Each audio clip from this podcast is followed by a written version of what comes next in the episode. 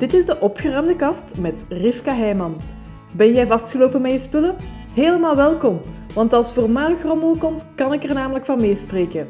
Daarom dat ik deze podcast maakte als baken van hoop voor andere chaoten en als geruststelling dat er leven bestaat na de rommel. Leuk dat je luistert. Hey hey, hier ben ik weer. Ik wil jullie vertellen over een heel boeiende en interessante ervaring die ik een paar weken geleden meemaakte. En wat heb ik gedaan? Ik ben voor de allereerste keer in mijn leven heb ik volgens de Wim Hof ademhalingsmethode ben ik in een, uh, een ijsbad gegaan. Dus dat je inderdaad vrijwillig ervoor kiest om in een uh, ja, mega koud blad, het was bij mij was het 3 graden, om daar dus vrijwillig in te gaan stappen, te gaan zitten en dan te kijken van ja, hoe ver um, ja, wil ik gaan, waar ligt mijn grens? Dat heb ik gedaan. En ik vond het enorm boeiend, omdat ik daardoor mezelf ook beter weer leerde kennen in hoe dat ik reageer en in welke mate dat ik daar uh, zelf controle over heb. En dus, ja, waarom begin ik hier in een opruim podcast over mijn ervaring van in zo'n ijsbad te gaan zitten?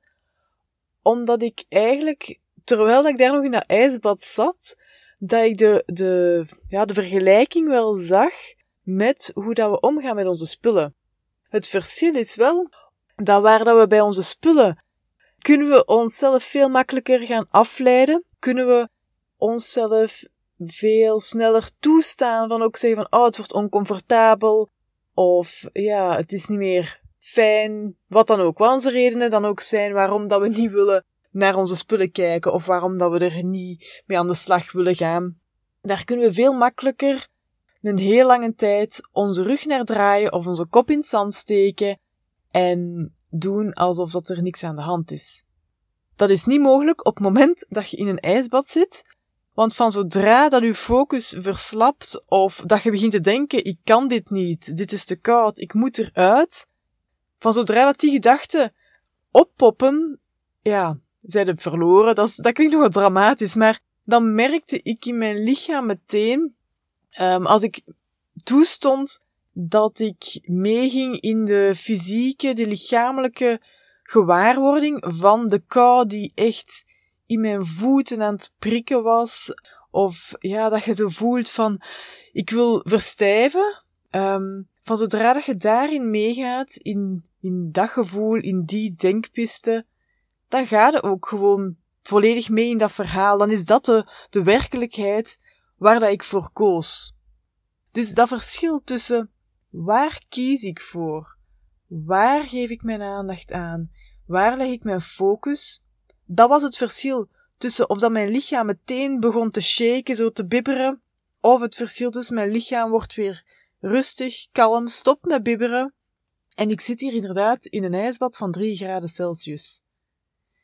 En ik vond dat zo boeiend om te merken dat verschil, want het was echt op het moment dat mijn focus verslapte, op het moment dat ik niet meer, ja, niet meer bij mijn, met mijn ademhaling reguleerde eigenlijk waar dat mijn focus lag, dan switchte dat op een, en dat was echt maar op een seconde tijd eigenlijk, hè, dan switchte dat naar van ik kan dit niet aan.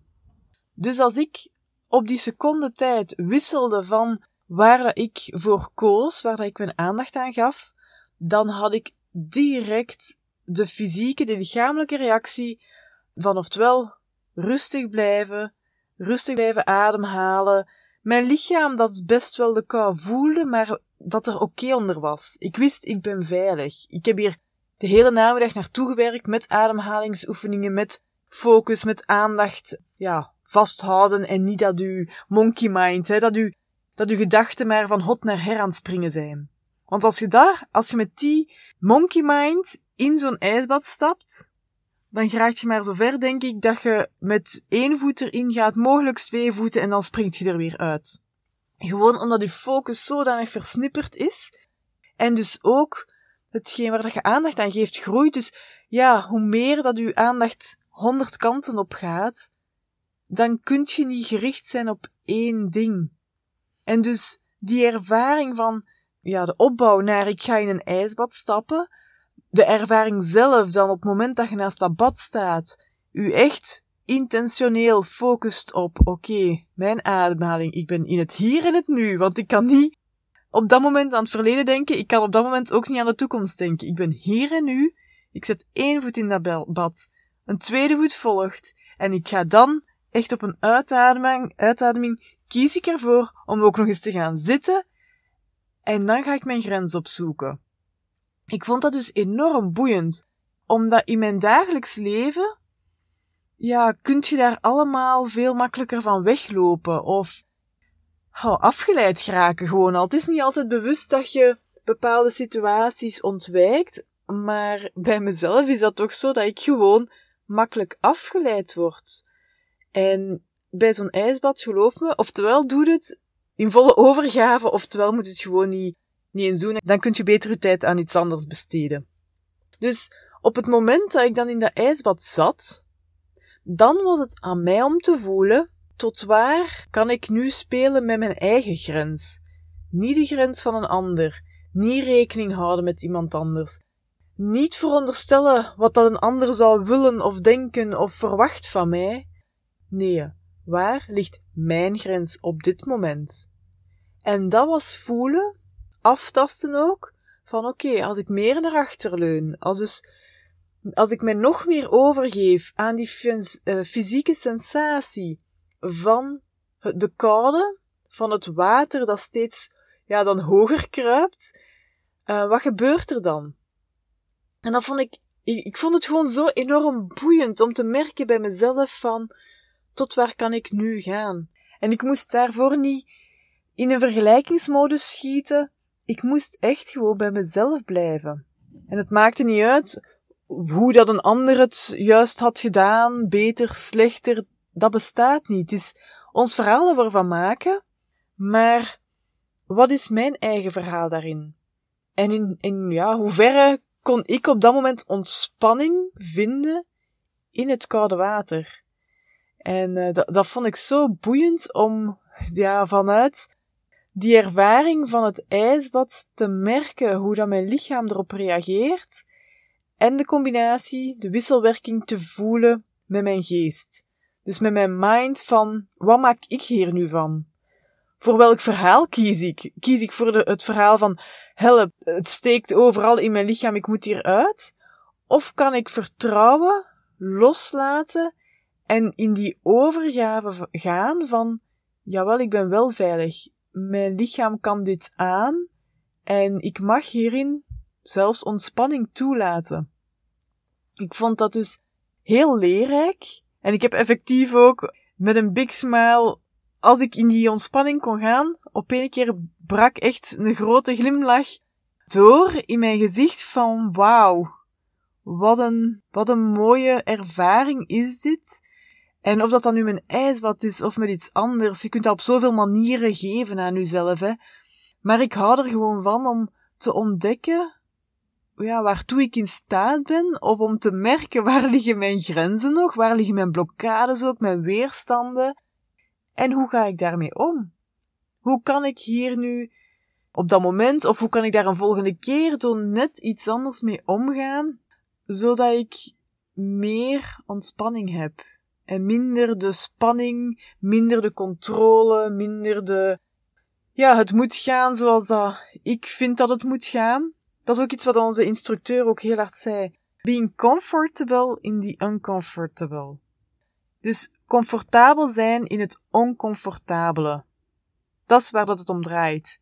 Het is ook, zo'n ijsbadervaring is ook een, um, ja, een goede leerschool eigenlijk om, om te laten zien van hoe gaat jij om met uh, de momenten dat het leven nu oncomfortabele dingen op uw bord gooit en ja, hoe gecrispeerd, hoe gespannen, hoe krampachtig gaat je daarop reageren? Gaat je ermee omgaan? Of kunt je kiezen voor, oké, dit is enorm oncomfortabel, waar dat ik doorheen moet. En dan heb ik het niet meer over een ijsbad, hè. Dan heb ik het gewoon over de dagelijkse dingen, uh, zaken die soms anders gaan dan dat je verwacht. Of, zoals dat ik bijvoorbeeld, hè, een aantal jaar geleden opeens in een scheiding terecht kwam.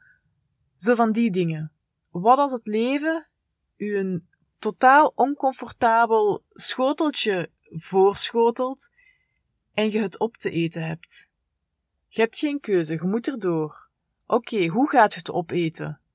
Gaat je het opeten met lange tanden, met geklaag, met alles is slecht, och arme ik, het slachtoffer, de hele wereld, het zijn altijd anderen om me heen? Of gaat je zeggen, oké, dit is oncomfortabel. Maar ik bepaal hoe dat ik de eetervaring ervan maak. En het zal niet altijd met een big smile zijn, maar hoe kun je het wel, ja, er ontspanning in vinden?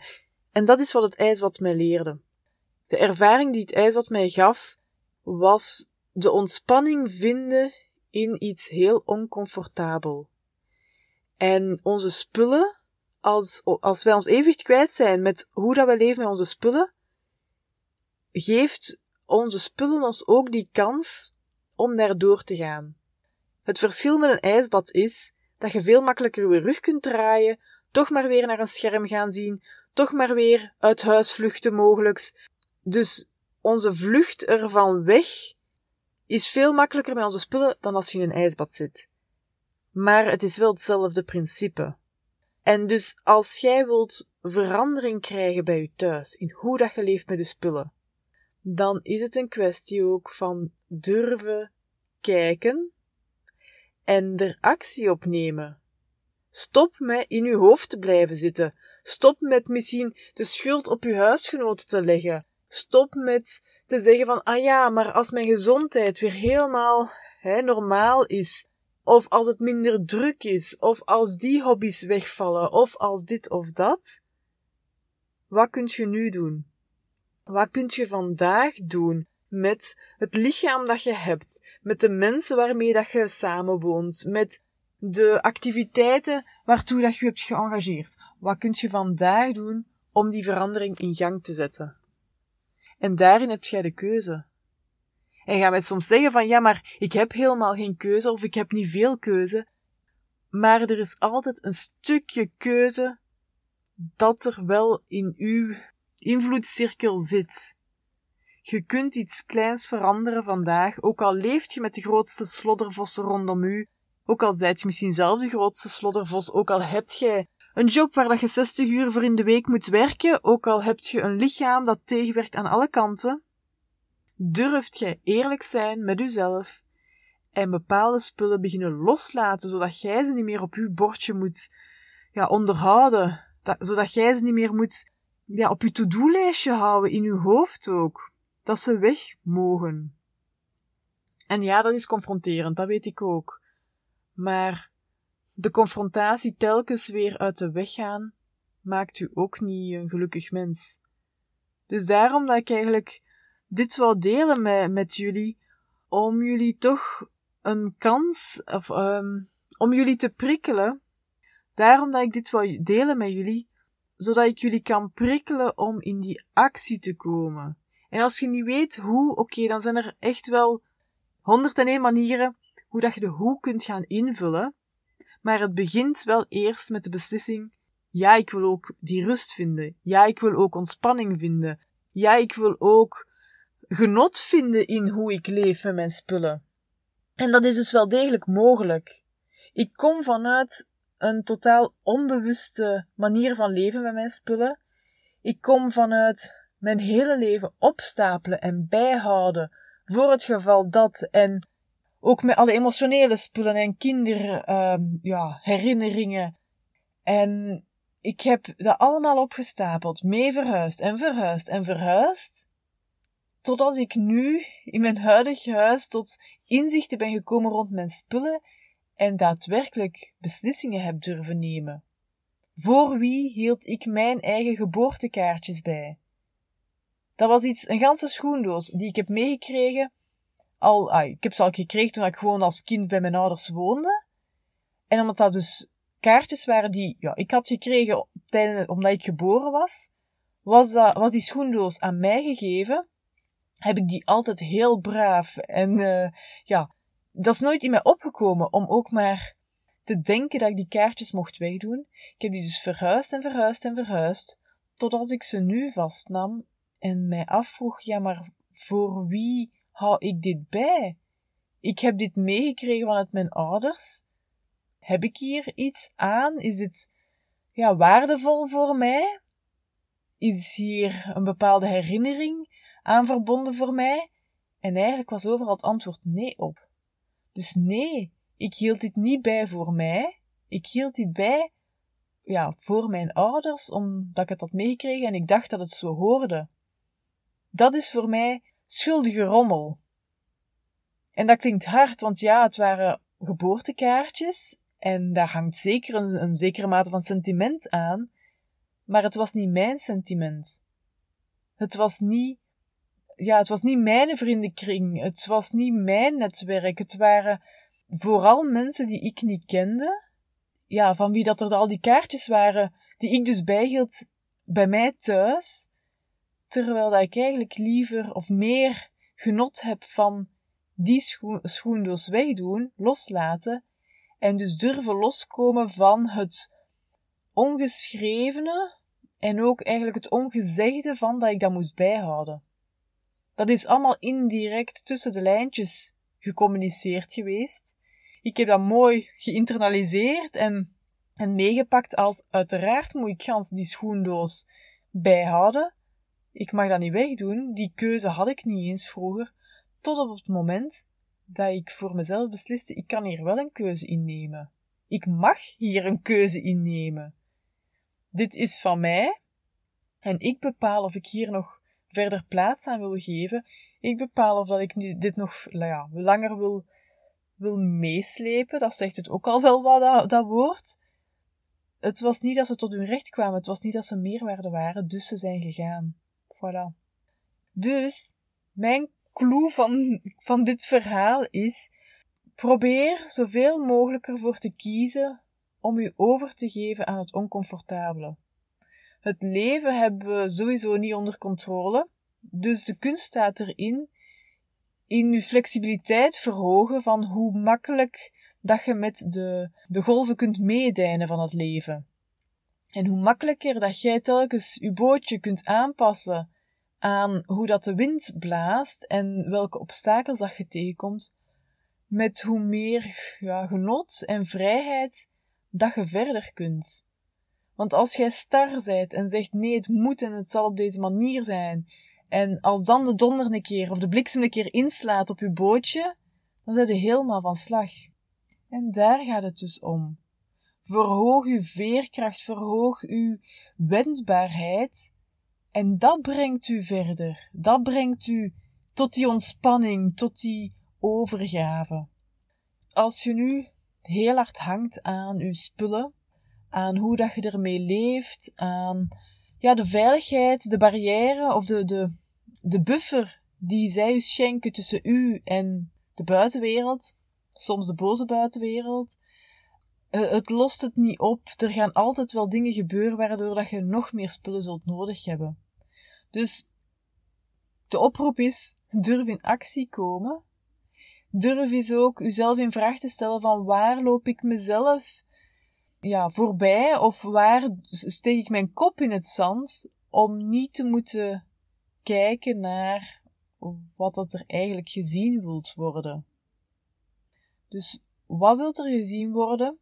En waar ziet je bij je thuis dat je dat met spullen een stukje kunt toedekken of kunt ontlopen, zodat je het niet hoeft te zien. Ik hoop dat dit uh, resoneert met jou. En uh, ik zou zeggen, laat maar weten wat je ervan vindt. Ook als je bij jezelf denkt, ik ben het hier helemaal mee oneens. Je moogt het altijd laten weten. Zolang dat respectvol is, sta ik open voor uh, gesprek. Dus een heel fijne dag en tot een volgende aflevering. Ziezo, dat was het voor deze aflevering van de opgeruimde kast. Vond je deze aflevering waardevol? Deel het dan met iemand die er ook mee geholpen is en laat een review achter. Ik vind het trouwens leuk om berichtjes van luisteraars te ontvangen als een aflevering een bepaald inzicht gaf of iets in beweging zette. Laat het me weten, ook als je vragen of suggesties hebt natuurlijk. Dat kan via contact@goedgeschikt.be. Heel fijn dat je erbij was en graag tot de volgende keer.